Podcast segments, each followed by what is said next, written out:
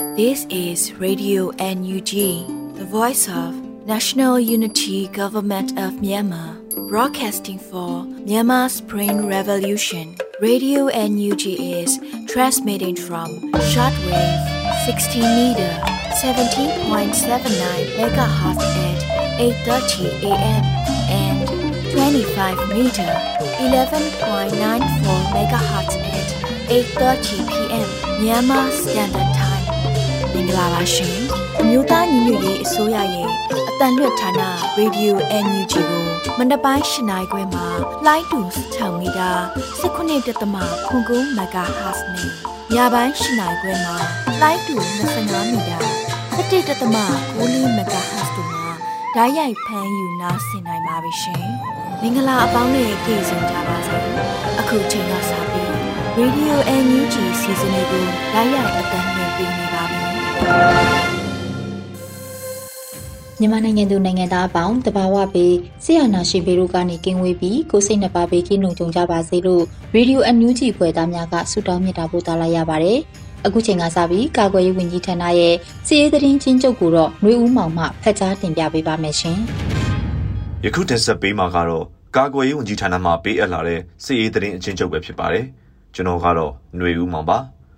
စစ်ကောင်စီနဲ့တိုက်ပွဲဖြစ်ပွားမှုသတင်းများကိုတင်ဆက်ပေးပါမယ်။ကချင်ပြည်နယ်တွင်မတ်လ10ရက်နေ့မနက်3နာရီခန့်ကမိုးညင်းမြို့နယ်မိုးညင်းမြို့ရှိတက္ကသိုလ်ဝင်းအတွင်းတပ်ဆွဲထားသည့်စစ်ကောင်စီတပ်သားများကိုနမ်းမာ PDF မှတွားရောက်တက်ခိုက်ခဲ့ရာဗိုလ်အဆင့်ရှိအပါအဝင်စစ်ကောင်စီတပ်သား12ဦးသေဆုံးခဲ့ကြောင်းသိရသည်။ကရင်ပြည်ကရားပြည်နယ်တွင်မတ်လ9ရက်နေ့က ဒမော့ဆိုမြို့နယ်ငွေတောင်ကျေးရွာအုပ်စုအောင်ချမ်းသာကျေးရွာကြောက်စဲကန်နဲ့သိန်းစုလဲကျေးရွာများသို့အင်အားအလုံးအရင်ဖြင့်ထိုးစစ်ဆင်လာခဲ့သောစစ်ကောင်စီတပ်ဖွဲ့ကိုပြည်သူ့ကာကွယ်ရေးတပ်ဒမော့ဆို DMO Local PDF, Loico PDF, ဖဲကုံ PDF, မိုးပြဲ PDF, CTU နီးပညာလက်ယုံတပ်အလဲပိုင်းတိုင်းအထူးစစ်စင်ရေးတပ် KNDF, KA,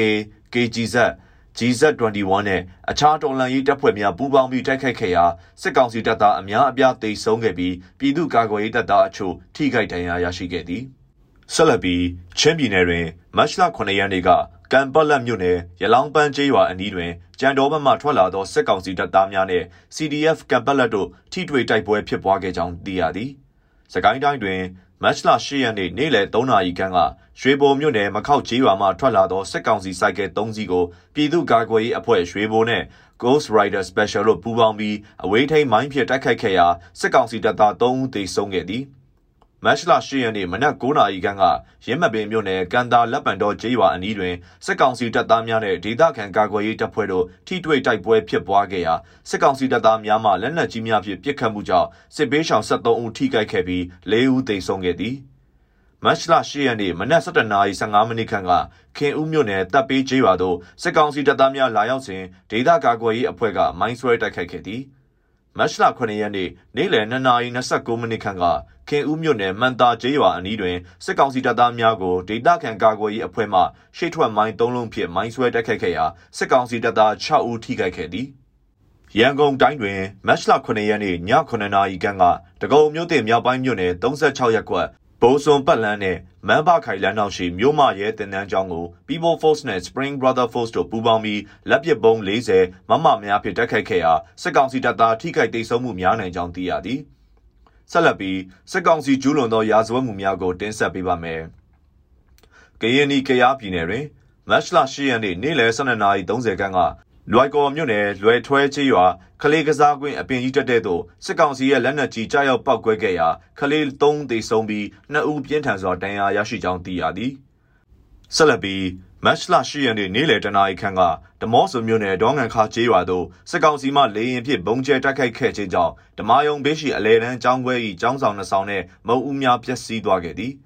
မတ်လ10ရက်နေ့မနက်2နာရီခန့်ကဓမော့ဆိုမြို့နယ်ဆောင်ဒူလာကျေးရွာအနီးတစ်ဝိုက်ကိုစစ်ကောင်စီဘက်မှလေကြောင်းဖြင့်ဘုံကျဲတိုက်ခိုက်ခဲ့ရာဖះเจ้าပတ်ဝန်းကျင်မှာဖုန်ကြီးကျောင်းဓမာယုံနှင့်လူနေအိမ်အချို့ပျက်စီးသွားခဲ့ပြီးမကွဲသေးသည့်ဘုံတလုံးလည်းတွေ့ရှိကြောင်းသိရသည်မတ်လ10ရက်နေ့မနက်9:30ခန်းကဓမော့စုံမြို့နယ်သိဆူလဲကျေးရွာနဲ့ပူဖားကျေးရွာများကိုစစ်ကောင်စီမှဂျက်လေရင်၃စီးနဲ့ဘုံကျဲခဲ့ကြောင်းသိရသည်။စကိုင်းတိုင်းတွင် မတ်လ10ရက်နေ့မနက်8နာရီခန့်ကရဲမပင်မြို့နယ်လက်ပန်းတော်ကျေးရွာဖုံးတော်ကြီးကျောင်းကိုစစ်ကောင်စီတပ်သားအင်အား200ခန့်မှလက်နက်ကြီးများဖြင့်ပစ်ခတ်ခဲ့ပြီးကျေးရွာအတွင်းသို့ဝင်ရောက်ခဲ့ရာစစ်ပေးချောင်ပြည်သူများဖြစ်သောဒေါ်တင်ညွတ်ဦးတန်းမောင်ဒေါ်တန်းလှမြတ်ဖုံးနိုင်9နှစ်သားတို့လက်နက်ကြီးထိမှန်တိတ်ဆုံးခဲ့သည်မတ်လ10ရက်နေ့နေ့လယ်12နာရီခန့်ကရွှေဘုံမြို့နယ်တပ်ပေးကျေးရွာရှိနေအိမ်များကိုစစ်ကောင်စီတပ်သားများမှဝင်ရောက်မိရှို့ခဲ့သည် အေယာဝတီတိုင်းတွင်မတ်လ10ရက်နေ့ကအင်္ဂပူမြို့နယ် NLD တိုင်းဒေသကြီးလွှတ်တော်ကိုယ်စားလှယ်ကိုဘဘိုစင်နဲ့ကိုဝင်းနိုင်တို့၏နေအိမ်များချိတ်ပိတ်ခံခဲ့ရသည်မှတ်ချက်မြေပြင်သတင်းတာဝန်ခံများနဲ့သတင်းဌာနများမှဖော်ပြလာသောအချက်အလက်များအပေါ်အခြေခံပြုစုထားသည်ယခုတင်ဆက်ပေးခဲ့တာကတော့ကာကွယ်ရေးဝန်ကြီးဌာနအမျိုးသားညီညွတ်ရေးအစိုးရမှထုတ်ဝေသောစစ်ရေးသတင်းအကျဉ်းချုပ်ပဲဖြစ်ပါတယ်ကျွန်တော်ကတော့ຫນွေဦးမောင်ပါ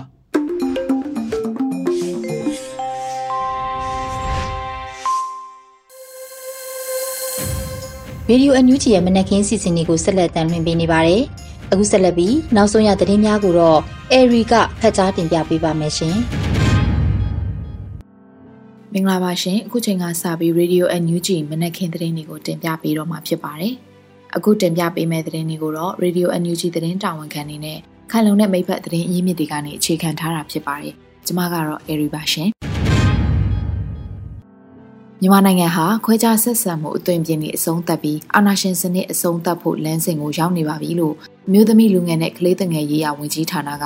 မက်လ၈ရက်နေ့ပြည်ပဆိုင်ရာအမျိုးသမီးများနေ့မှာထုတ်ဖော်အသိပေးလိုက်ပါတယ်။မက်လ၈ရက်နေ့မှာကြာရောက်တဲ့အပြည်ပြည်ဆိုင်ရာအမျိုးသမီးများနေ့အထိမ်းအမှတ်အဖြစ်ကမ္ဘာတဝန်းလုံးကအမျိုးသမီးတွေကိုဂုဏ်ပြုကျင်းပနေကြတာဖြစ်ပြီးအမျိုးသားညီညွတ်ရေးအစိုးရအမျိုးသမီးလူငယ်နဲ့ကလေးသူငယ်ရေးရာဝန်ကြီးဌာနကလည်းဗတ်လိုက်မှုကင်းစင်ပြီးကြားမှတန်းတူညီမျှတဲ့ လူအတိုင်းဝိုင်းတစ်ခုဖြစ်ပေါ်လာစေဖို့ဗတ်လိုက်မှုတွေချက်ချင်းရဲ့အာနာရှင်စနစ်အမြင့်ဖြတ်ဆိုတဲ့ဆောင်းပုံးနဲ့ဆွေးနွေးဟောပြောမှုတွေစီးရုံးနှုံဆော်မှုတွေပြုလုပ်နေကြပါတယ်။ဗတ်လိုက်မှုကိုချိုးဖျက် reject detectorship ဆိုဒီမှာ2022ခုနှစ်အပြည်ပြည်ဆိုင်ရာအမျိုးသမီးများနေ့အထိမ်းအမှတ်မြန်မာနိုင်ငံရဲ့အကြောင်းအရာဖြစ်တယ်လို့ဆိုပါတယ်။မြန်မာနိုင်ငံမှာ2021ခုနှစ်ဖေဖော်ဝါရီလကစလို့ဒီမိုကရေစီအရက်သားအစိုးရအပေါ်စစ်အာဏာသိမ်းမှုဟာနိုင်ငံတော်ဝန်ပြည်သူ့မနာခံမှု CDM လှုပ်ရှားမှုနဲ့ ပြည်သူတွေကຫນွေဦးတော်လှန်ရေးကို reject detectorship ကိုဦးဆောင်ပြီးတော်လှန်ခဲ့ကြပါတယ်။မြန်မာနိုင်ငံဟာခွဲခြားဆက်ဆံမှုအသွင်ပြေနေအဆုံးသတ်ပြီးအာဏာရှင်စနစ်အဆုံးသတ်ဖို့လမ်းစဉ်ကိုရောက်နေပါပြီလို့ဝန်ကြီးဌာနရဲ့ရေးသားဖော်ပြမှုနဲ့အတူတစ်ချိန်တည်းမှာပဲ International Women's Day လှုပ်ရှားမှုဖြစ်ရန်ကုန်အမျိုးသမီးတပိတ်စစ်ကြောင်းတွေကလည်းမလရှိရက်နေ့မှာလမ်းပေါ်ထွက်စစ်အာဏာရှင်ကိုအန်တုဆန္ဒပြခဲ့ကြပါတယ်။အမျိုးသမီးတပိတ်စစ်ကြောင်းကကင်ဆွဲဖော်ပြခဲ့တဲ့ကြွေးကြော်သံကတော့ အထီယာတွေရှေ့သို့ချီအကြမ်းဖက်မှုကိုအမြင့်ဖြတ်မည်လို့ကင်ဆွဲချီတက်ခဲ့ကြတာတွေ့ရပါတယ်။အလားတူပဲမုံရွာမန္တလေးစတဲ့မြို့ကြီးတွေမှာလည်းစစ်ကောင်စီတပ်ဖွဲ့တွေရဲ့အကြမ်းဖက်မှုအန္တရာယ်ကိုရင်ဆိုင်နေရပြီးစစ်အာဏာရှင်အမြင့်ဖြတ်ရေးအမျိုးသမီးတို့ရဲ့ဆန္ဒပြပွဲတွေပေါ်ပေါက်ခဲ့ပါတယ်။အပြည်ပြည်ဆိုင်ရာအမျိုးသမီးများနေ့မှာအင်ဂျယ်ကျဲစင်မြားသွက်သွက်ခိုင်တဲ့ခေမျိုးချစ်တို့အပါအဝင်လွန်ခဲ့တဲ့တစ်နှစ်အတွင်းမှာကျွေလွင့်ခဲ့ရတဲ့အမျိုးသမီးတွေနဲ့မိန်းကလေးတွေအားလုံးကိုမိမိတို့အောက်မိဂုံပြုအပ်ပါတယ်လို့စစ်အာဏာရှင်ကို ဒဏ်ခတ်ပိတ်ဆို့မှုတွေပြုလုပ်နေတဲ့အမေရိကန်နိုင်ငံကထုတ်ပြန်လိုက်ပါတယ်။မြန်မာနိုင်ငံအတွင်းအားလုံးပါဝင်နိုင်တဲ့ဒီမိုကရေစီစနစ်အတွက်မဆုတ်မနစ်ကြိုးပမ်းအားထုတ်လျက်ရှိကြတဲ့ရဲဝံ့တဲ့အမျိုးသမီးတွေအားလုံးကိုမိမိတို့ချီးကျူးဂုဏ်ပြုအပ်ပါကြောင်းမြန်မာနိုင်ငံဆိုင်ရာအမေရိကန်တန်ယုံကဖော်ပြပါတယ်။အသက်20အရွယ်မမြသွဲသွဲခိုင်ဟာ2021ခုနှစ်ဖေဖော်ဝါရီလ9ရက်နေ့မှာနေပြည်တော်မှာအာနာသိန်းတပ်ဖွဲ့ကပြစ်တဲ့ကြည်စံဦးကောင်းကိုထိမှန်ပြီးကြာဆုံးခဲ့ပါတယ်။ အင်ဂျယ်ခေါ်ကျဲစင်ဟာအသက်16နှစ်အရွယ်ဖြစ်ပြီး2021ခုနှစ်မတ်လ3ရက်မှာစစ်အာဏာရှင်ဆန့်ကျင်ဆန္ဒပြတဲ့မန္တလေးမြို့တပိတ်မှာအကြမ်းဖက်စစ်ကောင်စီဘက်ကပြစ်ခတ်တဲ့တနက်တန်ရနဲ့ကျွေလွင့်ခဲ့ရသူဖြစ်ပါတယ်။အသက်9နှစ်အရွယ်မခင်မျိုးချစ်ဟာလည်း2021ခုနှစ်မတ်လ23ရက်နေ့မှာစစ်တပ်နဲ့ရဲတပ်ဖွဲ့ဝင်တွေကနေအိမ်တွင်ဝင်ရောက်ပစ်ခတ်မှုကြောင့်ဆုံးပါခဲ့ရတာဖြစ်ပါတယ်။နေရာဒေသအသီးသီးကနေကန္နာအသီးသီးကတော်လန်တိုက်ပွဲဝင်နေကြတဲ့မျိုးသမီးတို့တရက်လုံးကိုဂုဏ်ပြုကြောင်းပြောကြားလိုပါတယ်။ တော်လှန်ရေးမှာအမျိုးသမီးတွေပူးပေါင်းပါဝင်မှုကအမျိုးသားတွေနဲ့ဒန်းတူရည်တူပါဝင်နေတာကိုသတိထားမိလာပါတယ်။ဖက်စစ်အာဏာရှင်စနစ်အမြင့်ပြုတ်တော်လှန်နေတာအပြင်အမျိုးသမီးတွေအနေနဲ့ကိုယ်တိုင်စွမ်းရည်မြင့်တင်နေကြပြီးဒန်းတူအခွင့်အရေးရရှိရေးတို့ကိုပါတပါးတည်းဖော်ဆောင်နေတာဟာအနာဂတ်မှာကြားမှခွဲခြားဆက်ဆံတာတွေကိုအလိုအလျောက်ပပျောက်စေလိမ့်မယ်လို့ယုံကြည်ထားတယ်ဆိုတဲ့အကြောင်းကိုလည်းမြောင်အမျိုးသမီးပျောက်ကြားစစ်တီတော်များအဖွဲ့ကစစ်ကောင်စီရဲ့ဖိနှိပ်မှုတွေအောက်ရုန်းကန်တော်လှန်နေကြတဲ့အမျိုးသမီးတွေအားလုံးကို ဂုဏ်ပြုစကားဆိုထားပါတယ်။1908ခုနှစ်အမေရိကန်နိုင်ငံနယူးယောက်မြို့မှာရှိတဲ့အထက်ချုပ်စက်ရုံတစ်ခုကစပြီးအမျိုးသမီးတွေဟာသူတို့ရဲ့အလုပ်ချိန်ရော့ဖို့လစာတိုးဖို့နဲ့မဲပေးပိုင်ခွင့်ရရှိဖို့အတွက်ဆန္ဒပြတောင်းဆိုခဲ့ကြရကနေအပြည်ပြည်ဆိုင်ရာအမျိုးသမီးများနေ့ဟာစပြုခဲ့ပါတယ်။ပထမဆုံးအပြည်ပြည်ဆိုင်ရာအမျိုးသမီးများနေ့ကို1912ခုနှစ်မတ်လ19ရက်နေ့မှာကျင်းပခဲ့ပြီး1985ခုနှစ်ကစလို့မတ်လ10ရက်နေ့ကိုအပြည်ပြည်ဆိုင်ရာအမျိုးသမီးများနေ့အဖြစ် ကမ္ဘာတဝန်းမှာဂုဏ်ပြုဆင်နွှဲနေကြတာဖြစ်ပါတယ်ရှင်။ဆက်လက်ပြီးဂျာကာလာမှာလေးလာဖို့ ICT training တွေနဲ့ continuous professional development အစီအစဉ်တွေထုတ်လွှင့်မယ်လို့ပညာရေးဒုဝန်ကြီးကြားထွဲပန်အသိပေးတဲ့သတင်းကိုတင်ပြပေးပါအောင်မယ်။ပြည်သူ့ဘက်တော်သားဆရာဆရာမတွေအတွက်ဂျာကာလာမှာလေးလာဖို့ ICT training တွေနဲ့ continuous professional development အစီအစဉ်တွေပါထုတ်လွှင့်မယ်လို့မလ၈ရက်နေ့မှာ ပညာရေးဒုဝန်ကြီးဂျာထွဲပန်ရဲ့လူမှုကွန်ရက်ပေါ်ကနေတဆင့်အသိပေးပြောကြားလိုက်ပါတယ်။ဒါအပြင်အမျိုးသားညီညွတ်ရေးအစိုးရကဂျာကာလာပညာရေးအစီအစဉ်တွေအနေနဲ့ပြည်သူတွေအတွက်အခမဲ့ Photoshop သင်တန်းတွေစီစဉ်ပေးခဲ့တာနဲ့ပတ်သက်ပြီးဝန်ကြီးကအခုလိုဖော်ညွှန်းပြောကြားခဲ့ပါတယ်။ Photoshop သင်တန်းလောက်ကတော့ပြောမနေနဲ့အရင်လကကြိုတင်ကြေညာထားတဲ့အတိုင်းပြည်သူ့ဘက်တော်သားဆရာဆရာမတွေအတွက်ဂျာကာလာမှာလေ့လာဖို့ ICT training တွေနဲ့ continuous professional development အစီအစဉ်တွေလာပါပြီ။တည်သူဖော်စာမကြိုက်သူကြော်သွားပါ Teacher Education CPD MBEH Telegram Channel လဲစတင်လိုက်ပါပြီ။21ရာစုမှာတည်တင်တက်အပ်တဲ့ ICT နည်းပညာတွေဆရာဆရာမတွေအတွက် Federal ပညာရေးအခြေခံတွေစုံလင်စွာစူးစီးတင်ဆက်ထုတ်လင်းပေးသွားမှာပါလို့ပြောဆိုလိုက်တာပါအမြင့်သားညီညွတ်ရေးအစိုးရအနေနဲ့စဉ်ဆက်မပြတ်လေ့လာသင်ယူနိုင်မှုအစီအစဉ်တွေကိုအကောင့်ထဲပေါ်ပေးလျက်ရှိတယ်လို့လည်းသိရပါတယ်။ ICT training တွေနဲ့ပတ်သက်ပြီး သင်တန်းက offline အနေနဲ့လည်းဖြန့်ပေးမှာဖြစ်ပါတယ်။အခုချိန်မီပြတ်တာတွေသိပါတယ်။ဒီအစီအစဉ်တွေအများရန်ဒီ channel တွေထဲမှာရှိနေမှာပါ။အဆင်ပြေတဲ့အချိန်လေ့လာလို့ရပါတယ်လို့ဒုတိယဝန်ကြီးဂျာထရပန်ကရေးသားအသိပေးခဲ့ပါတယ်ရှင်။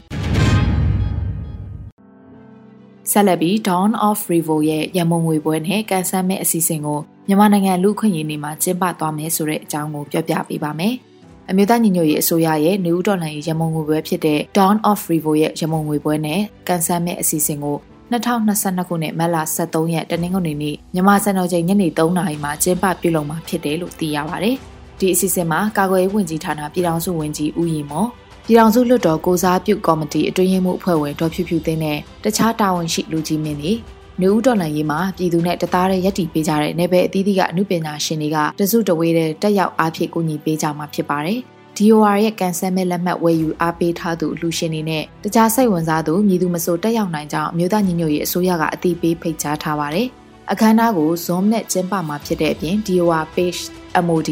DVB နဲ့ PVTV အစီအစဉ်တွေကနေတဆင့်တိုက်ရိုက်ထုတ်လွှင့်ပြသသွားမှာဖြစ်တယ်လို့ဆိုပါတယ်။ ရန်ပုံငွေပွဲကျင်းပမဲ့ရက်နီးကပ်နေပြီဖြစ်တဲ့အတွက်ကန်ဆယ်မဲလက်မှတ်မဝယ်ယူရသေးတဲ့သူတွေအနေနဲ့ຫນွေဦးတော်လှန်ရေးကိုအမြန်အောင်မြင်နိုင်ဖို့ကူညီဝယ်ယူပေးကြဖို့ကိုလည်းနှိုးဆော်တိုက်တွန်းထားကြပါရှင်။အခုနောက်ဆုံးသတင်းတပုတ်အနေနဲ့အာနာသိန်းအကြမ်းဖက်စစ်တပ်ရဲ့လက်နက်ကြီးရန်တမ်းပစ်ခတ်မှုတွေကြောင့်ပြည်သူတွေအသေးပြောက်များခဲ့ရတဲ့သတင်းကိုပြောပြပေးပါမယ်။စကိုင်းတိုင်းဒေသကြီးရင်းမပင်မြို့နယ်တွေကလက်ပံတော်ကျေးရွာအတွင်းမှာမက်လာ၈ရက်မနက်ပိုင်းကစစ်ကောင်စီတပ်ရဲ့လက်နက်ကြီးထိမှန်ပြီး ကလေးငယ်2ဦးအပါအဝင်ဘုံကြီးကျောင်းအတွင်းစစ်ဘေးတိမ်းရှောင်နေတဲ့ဒေသခံ6ဦးသေဆုံးခဲ့တယ်လို့ဒေသခံတွေကပြောပါတယ်။မက်လာ9ရက်နေ့ကစစ်ကောင်စီနဲ့ဒေသကာကွယ်ရေးတပ်တွေကြားထိတွေ့တိုက်ပွဲဖြစ်ပွားခဲ့ပြီးတဲ့နောက်မှာအခုလိုကျေးရွာအတွင်းကိုစစ်ကောင်စီကထင်ရဆိုင်ပစ်ခတ်မှုတွေပြုလုပ်ခဲ့တာပါ။အသက်9နှစ်အရွယ်မောင်ဖုံးမြတ်နိုင်အသက်9နှစ်အရွယ်မောင်စွမ်းထက်နိုင်မိခင်ဖြစ်သူဒေါ်မိုးမိုဝင်းဒေါ်တင်ညွန့်ဦးတန်းမောင်နဲ့ဒေါ်တန်းလာတို့ပွဲချင်းပြီးတေဆုံးခဲ့တယ်လို့ဒေသခံပြည်သူတွေထံကသိရပါဗျ။ ဘုန်းကြီးကျောင်းနဲ့ရှောင်းနေတော့လက်နက်ကြီးဆွဆိုးဝါးဝါထိသွားတယ်။တေဆုံးတဲ့သူတော်တော်များများကအသက်ကြီးပိုင်းနေများတယ်။73ယောက်ထိတာ6ဦးကတော့တေဆုံးသွားတာပါ။တေဆုံးတဲ့ထဲမှာတမိသားစုတွေက3ယောက်လုံးတေဆုံးတာတောင်ပါတယ်။လက်ရှိချိန်ထိလည်းလက်ပံတော်မှာတက်ဆွဲထားတော့မှာပဲလို့ဒေသခံတအုပ်ကလက်ရှိအခြေအနေကိုပြောပြပါဗျ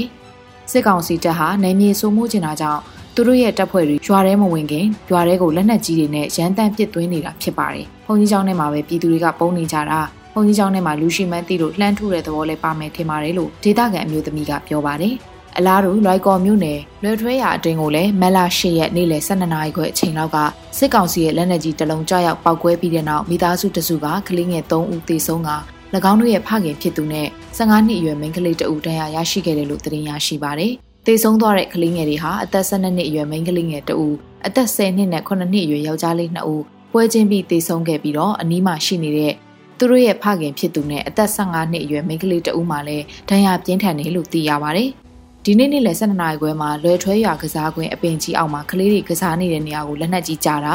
သုံးဦးပွဲချင်းပြီးသေးတယ်နှစ်ဦးဒဏ်ရာပြင်းထန်တယ်10နှစ်ဝန်းကျင်ကလေးတွေပေါ့အဲ့နာမှာတိုက်ပွဲဖြစ်တာမရှိဘူးလို့ KNY ဒေသခံသတင်းရင်းမြစ်တစ်ခုကပြောပါတယ်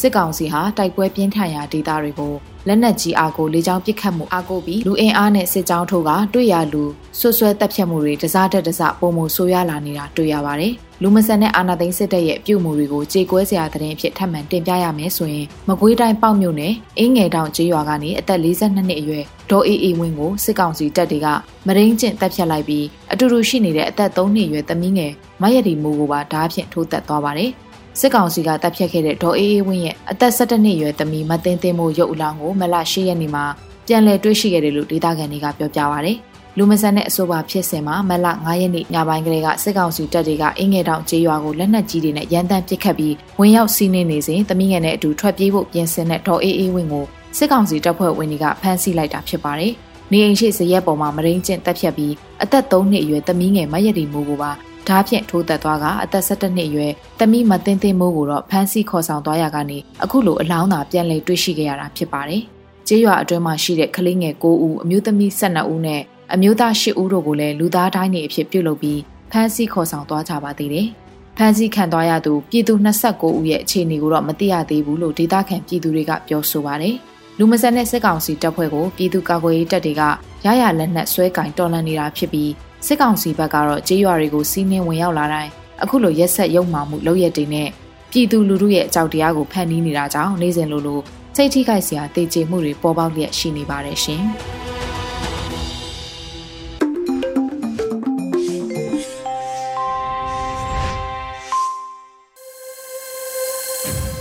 ဒီနေ့ရဲ့တော်လှန်ရေးတေးဂီတာစီစဉ်မှာတော့ TRO Pro ရဲ့ The Journey Key ဆိုတဲ့ တော်လှန်ရေးတိဂီတာကိုနားဆင်ကြရမှာဖြစ်ပါတယ်ရှင်။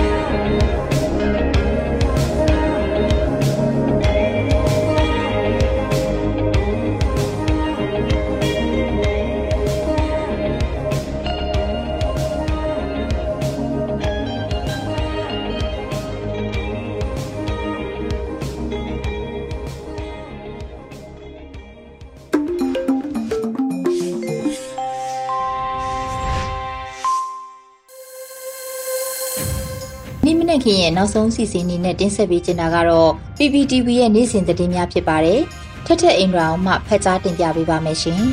။ပထမဆုံးတင်ဆက်ပေးမှာကတော့အမျိုးသားညီညွတ်ရေးအစိုးရရဲ့45ကြိမ်မြောက်အစိုးရအဖွဲ့အစည်းအဝေးကိုဒီကနေ့မနက်မှာပြုလုပ်ခဲ့တဲ့ဆိုတဲ့သတင်းမှာ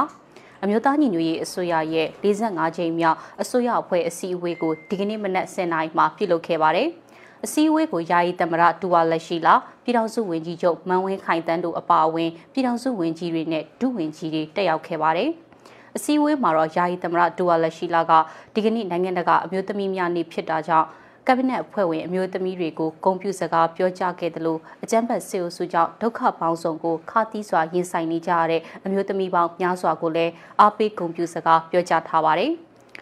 နှွေဦးတော်လှန်ရေးကနေလက်ရှိအချိန်ထိခီးဆက်ရောက်နေတာကအမျိုးသမီးတွေရဲ့ရဲရင်မှုအစွမ်းတက်တိနဲ့ဆွန့်လွတ်ပေးဆက်ရတဲ့တက်တိတွေကြောင့်ဆိုတာနဲ့တော်လှန်ရေးကာလအတွင်းအသက်ပေးကြဆုံးသွားတဲ့အမျိုးသမီးတွေကိုမြစ်တာပို့ရင်းဂုဏ်ပြုတယ်လို့လည်းပြောကြားထားပါတယ်။တော်လှန်ရေးမှာအရှိန်အဟုန်ကောင်းတဲ့ကာလရှိသလိုအရှိန်ရောကြတဲ့ကာလလည်းရှိတာမို့အရှိန်ရောကြတဲ့ကာလတွေကိုအထူးဂရုစိုက်ရမှာဖြစ်တယ်လို့လည်းဆိုထားပါတယ်။ အစိုးရအဖွဲ့ဝင်တွေအနေနဲ့ရှေ့တန်းစစ်မျက်နှာပြင်မှာအကြမ်းဖက်စစ်အုပ်စုနဲ့ရဲရဲရင်ရင်ရင်ဆိုင်နေကြတဲ့ရဲဘော်တွေကိုအထူးအားပေးကူညီရမှာဖြစ်တယ်လို့ဆိုပါတယ်။ဒါအပြင်ရုရှားရဲ့ကျူးကျော်စစ်တမ်းကိုခံနေရတဲ့ယူကရိန်းပြည်သူတရက်လုံးအနေနဲ့စိုးဝါလာတဲ့အခြေအနေတွေကိုရင်ဆိုင်ကြုံတွေ့နေရပါတယ်။မြန်မာပြည်သူတွေနဲ့ယူကရိန်းပြည်သူတွေလက်ရှိရင်ဆိုင်နေရတဲ့အခက်အခဲတွေကထပ်တူညီပါဖြစ်နေပြီးတော့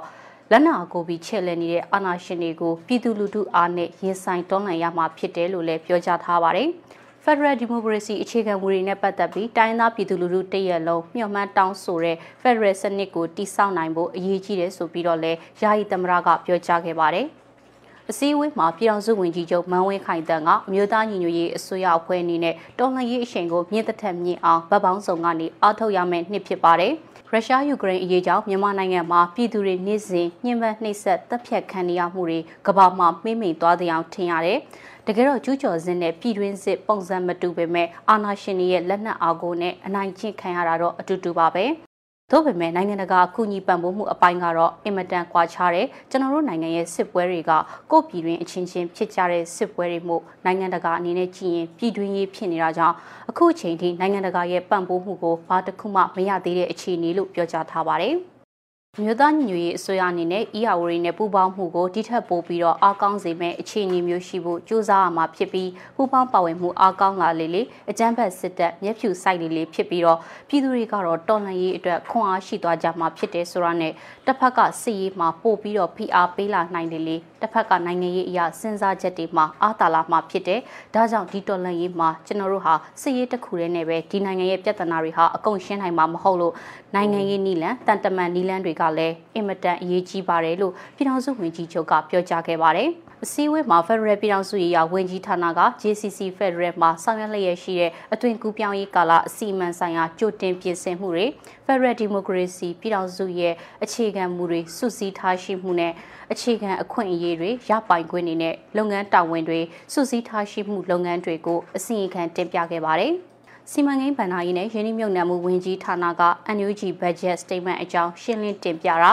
NUG Pay Mobile Money အကြောင်းရှင်းလင်းတင်ပြတာတွေပြုလုပ်ခဲ့ပါတယ်။လူသားချင်းစာနာထောက်ထားရေးနဲ့ဘေးရန်ရဲ့ဆိုင်ရာစီမံခန့်ခွဲရေးဝန်ကြီးဌာနကလည်းတင်ပြတာတွေကိုလုပ်ခဲ့ပါတယ်။အဲဒီနောက်မှာတော့ပြည်အောင်စုဝန်ကြီးကတင်ပြတာတွေကိုပြန်လည်ရှင်းလင်းဆွေးနွေးပြီးအစည်းအဝေးကိုရုပ်သိမ်းလိုက်ပါတယ်။ ဆက်လက်တင်ဆက်ပေးမှာကတော့တိုင်းရင်းသားဒေသတွေမှာတယံဇာတာတွေစီမံအုပ်ချုပ်နိုင်ရေးအတွက်ပြည်내 ဖက်ဒရယ်ယူနစ်အတိုင်းအမြံကောင်စီတွေနဲ့ညှိနှိုင်းဆောင်ရွက်ဖို့ပြည်ထောင်စုဝန်ကြီးချုပ်မန်ဝင်းခိုင်တန်းပြောကြားလိုက်တဲ့ဆိုတဲ့သတင်းမှာတိုင်းသားဒေသတွေမှာတယံဇာတာတွေကိုစီမံအုပ်ချုပ်နိုင်ရေးအတွက်ပြည်내ဖက်ဒရယ်ယူနစ်အတိုင်းအမြံကောင်စီတွေနဲ့ညှိနှိုင်းဆောင်ရွက်ဖို့ကိုအရှိန်အဟုန်မြင့်တင်ချိတ်ဆက်လှုပ်ဆောင်သွားဖို့အမျိုးသားညီညွတ်ရေးအစိုးရပြည်ထောင်စုဝန်ကြီးချုပ်မန်ဝင်းခိုင်တန်းကပြောကြားလိုက်ပါတယ်။ ပြည်ထောင်စုအဆင့်တယံဇာတာစီမံအုပ်ချုပ်မှုအဖွဲ့ရဲ့နှစ်မြင့်ဆောင်2020အစည်းအဝေးကိုမလ10ရက်မနက်10:00နာရီမှာပြုလုပ်ခဲ့ပြီးအစည်းအဝေးဥက္ကဋ္ဌအဖြစ်ပြည်ထောင်စုဝန်ကြီးချုပ်မန်ဝင်းခိုင်တန်းကပြောကြားခဲ့ရမှာအထက်ပါအတိုင်းထည့်သွင်းပြောကြားလိုက်တာပါ။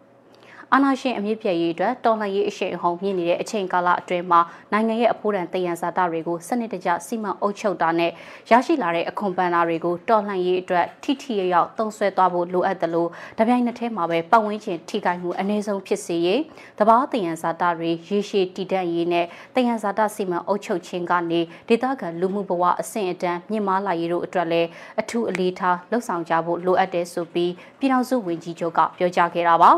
အကြမ်းဖက်စစ်ကောင်စီကပြည်သူတွေကိုညှဉ်းပန်းတပ်ဖြတ်ဖို့တစ်တော်တတုနဲ့ကြောက်မြက်အပါအဝင်တယံဇာတာတွေကိုထုတ်ရောင်းချပြီးအင်အားဖြည့်တင်းနေတာတွေကိုလုပ်နေတဲ့ဆိုတာနဲ့စစ်ကောင်စီရဲ့ဝင်ငွေရလန်းကြောင်းတွေဖြစ်တဲ့တယံဇာတာထုတ်လုပ်ရောင်းချတဲ့လုပ်ငန်းတွေနဲ့အဲ့ဒီလုပ်ငန်းတွေမှာပါဝင်ပတ်သက်နေတဲ့သူတွေအားလုံးကိုနီလန်မျိုးစုံတုံးပြီးတားဆီးပိတ်ပင်ဖို့လိုအပ်တဲ့အကြောင်းကိုလည်းဝန်ကြီးချုပ်ကမိန့်ခွန်းထဲမှာထည့်သွင်းပြောကြားခဲ့ပါတယ်။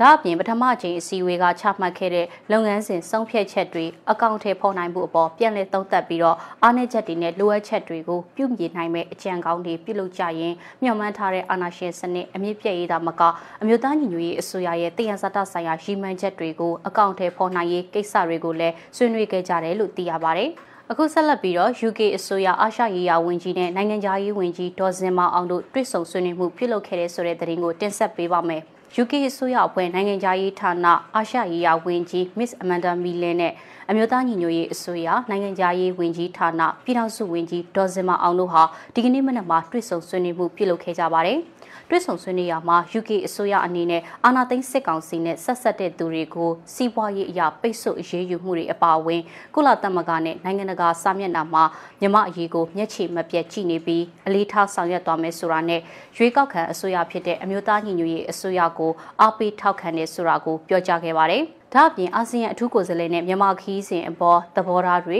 အကျဉ်းထောင်တွေမှာလူအခွင့်အရေးချိုးဖောက်ခံနေရမှုတွေ အာဆီယာစီရဲ့လှုပ်ဆောင်နေတဲ့အခမ်းကဏ္ဍတွေအကြမ်းဖက်စစ်ကောင်စီရဲ့မအောင်မြင်တဲ့အာဏာသိမ်းမှုအုပ်ချုပ်ရေးအခြေအနေတွေအယက်သားတွေအပေါ်ဆက်လက်ကျူးလွန်နေတဲ့ရာဇဝတ်မှုတွေ ICC ICJ နဲ့တရားမျှတမှုဖော်ဆောင်ရေးလူသားချင်းစာနာထောက်ထားမှုဆိုင်ရာအကူအညီပေးရေးအစရှိတဲ့အကြောင်းအရာတွေနဲ့ပုံမှုထိရောက်စွာပူးပေါင်းဆောင်ရွက်နိုင်ရေးတို့ကိုဆွေးနွေးခဲ့ကြတယ်လို့သတင်းထုတ်ပြန်ချက်မှာဖော်ပြထားပါတယ်။တွဲဆောင်ဆွေးနွေးမှုကိုအမျိုးသားညီညွတ်ရေးအစိုးရရဲ့ UK ဆိုင်ရာကိုယ်စားလှယ်တွေဖြစ်တဲ့